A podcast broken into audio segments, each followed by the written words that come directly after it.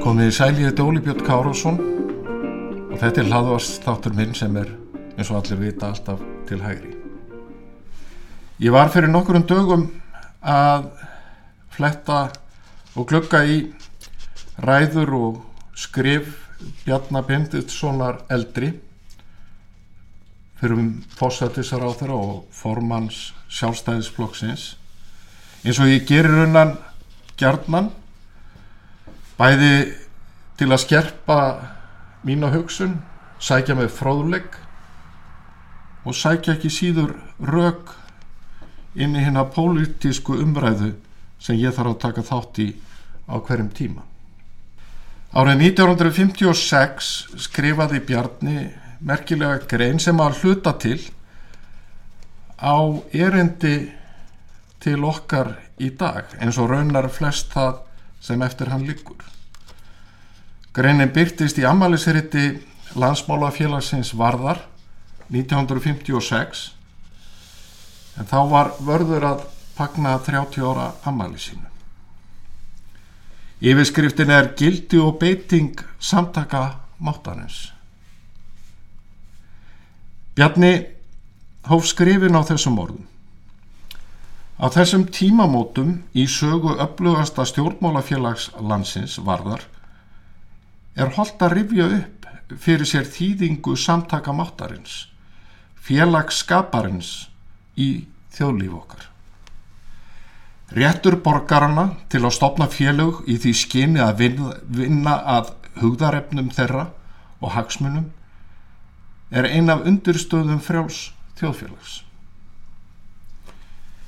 Jón Sigursson og fylgismenn hans, svo sem Tryggvi Gunnarsson, töldu það höfuð veikleika Íslendinga að þeir kynnu ekki að vinna saman. Þess vegna lögðu þeir megin áherslu á að kenna landsmönnum gildi félagsskapar. Máttur samtaka hefur síðan mörgu góðu komið til leiðar hér á landi og haft úslita áhrif um viðreist þjóðarinnar. Og Bjarni heldur áfram og segir en gildi félagskapar og samtaka fer eftir því til hvers og hvernig þeim er beitt. Sá félagskapur sem miðar að því að ebla samúð með mönnum horfir til góðs. Hinn sem best fyrir þraungum sérhagsmunum er vand meðfartari. Auðvita er nöðsynlegt að menn bindi samtökum um sameigilega sérhagsmunni en hagsmunum heildarinnar má ekki gleima og störf sérfélagana verður að miða við það. Ákjafðin í að fylgja fram hagsmunum ímessa sérfélaga má aldrei verða svo mikil að viðliki að sjálft þjóðfélagið splundrist. Barátt að stjættarfélagana en verkalýsfélögin eru upplugust þeirra hefur leitt til þess að slík hætta er nú orðin ber hér á landi. Bjandi tekur fram að verkalýsfélögin hafi unnið gott starf á Íslandi eins og í öðrum frjálsum þjóðfélögum. Það sem þau eru tæki verkalýsins til þess að fá bætt kjör og halda uppi málstað hans gegn aturreikandunum hvort sem þeir eru einstakir menn, ríkið eða aðrar greinar almanna valdsins. Og Bjarni segir, þessi aðal tilgangur verkalýs reyfingarinnar trublast þegar henn er beitt í stjórnmála átökum. Út yfir tekur þó þegar kommunistar ná völdum í félögum og fara að sjálfsögðu með þau í samræmi við kenningar sínar. Engin stjórnmálaflokkur hefur fast mótaðara kenningakerfi en kommunistar. Þeir telja kenningar sínar engum vafa undir orknar heldur vera vísindalegar staðrendir sem ekki verið hakað.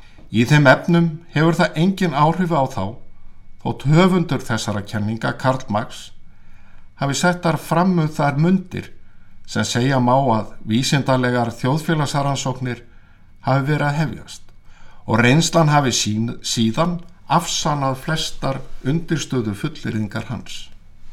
Hinnar úreldu kenningar Marx eru á samt tólkunum þeirra Lenins og Stalins enns á leiðarvísir sem kommunistar kvarvetna utan Rúslands trúa á og í orði hvernu er einni fyllt hér á landi.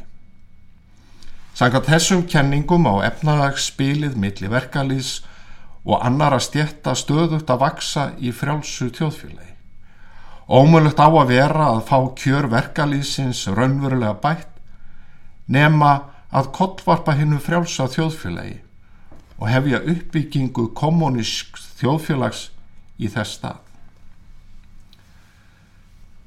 Og Bjarni heldur áfram og segir staðrendin er svo að í hinnum frjálsu þjóðfélagum hefur mjög dreyið úr mun á lífskjörum manna og verkalýðurinn að nú við ólíkt betri hag að búa en áður.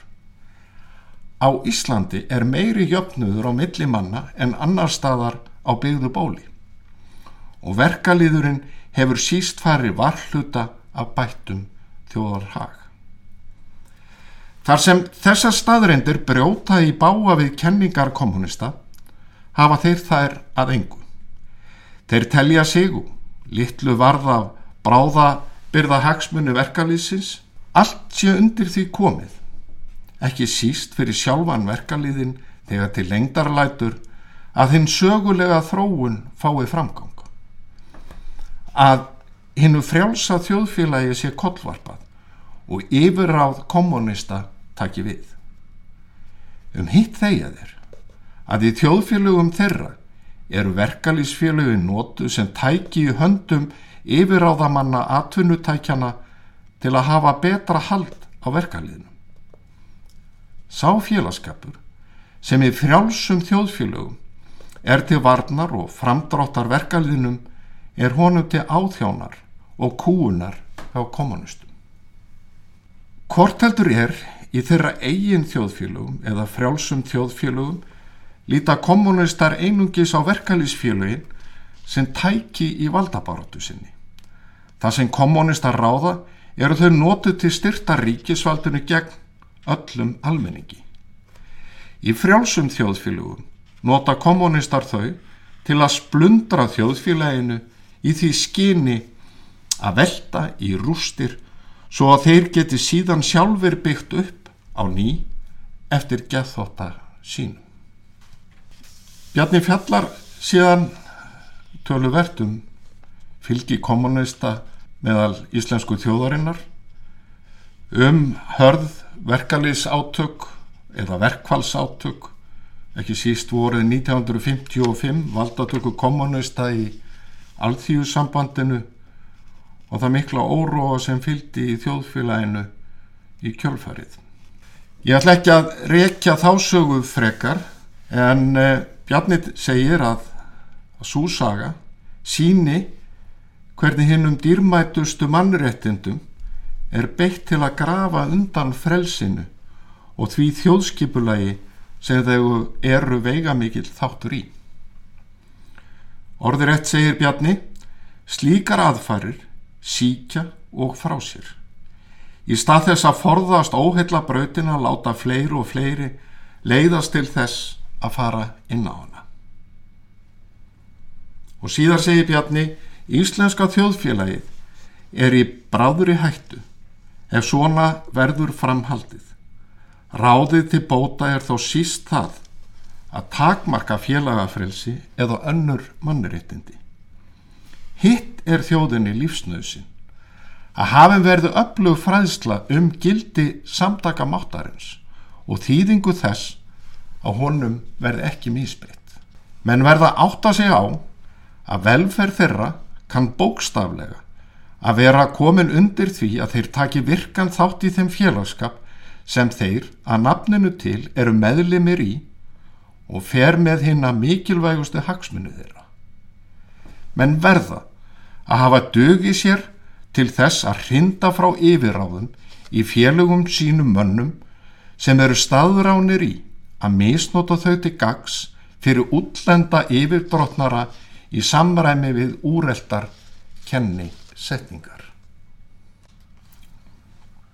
Í áramóta ávarpi árið 1963 þá var Bjarni Bindilsson orðin fósættisar á þeirra tók hann fram að samtakamátturinn hefði unnið stórvirki.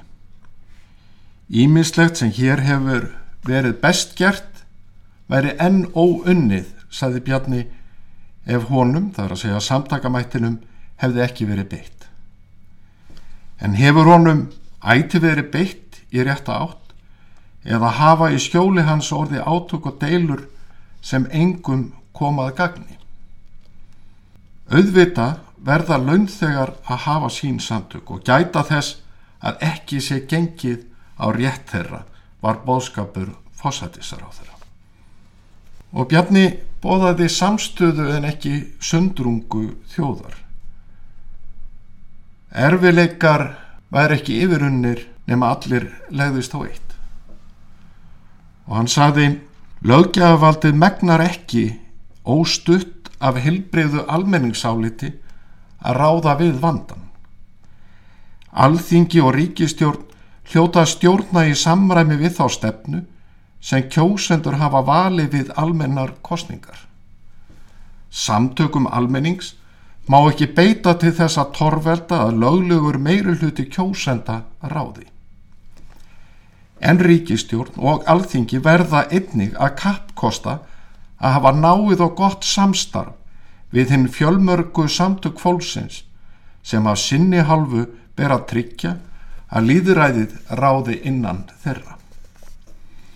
Óleikar skoðanir meiga ekki leiða til þess að menn get ekki unnið saman að augljósum hagsmunamálum allra. Skoðanamunur stafar sjálfnast af ílvilja, hvað þá samsærisug, heldur ólíkum sjónarmiðum. Aukið við síni og umburðarlindi létta löst margs vanda. Og bóðskapur fósættisar á þrans, Bjarnabindissonar, 1963 var eftirfarandi. Í frjálsu þjóðfélagi eins og okkar vísar hagnýting þekkingar og tækni örgust og raunar einu leiðina til bættra lífskjara. Öll vonu við að stríðmilli þjóða séur sögunni. En halda menn þá heilla drýðra að eiga í stríði innan þjóðar. Látum það ekki henda að öflugum samtökum sem stopnuð eru til almanahilla sé beitt gegn valdhöfum ríkisvaldsins sem löglegur meiri hluti hefur trúað fyrir umbúði sínu. Hvergi á ymbirðis ófriður og stjættastrið minni rétt á sér en í okkar ör smáa þjóðfélagi. Það sem allir eru vaksnir af sömur rót og raunar ná skildir í orðsins eiginlega skilningi. Hættum þeirri tókstreitu stjættana sem engum færir ábata. Samennunst um að gera þeim sem örðugast eiga lífið léttara og búa þjóðinni allir í hagsald og frið í okkar ástkjara en erfiða landi. Ég þakka þeim sem hlýttu, eigi góða stundir.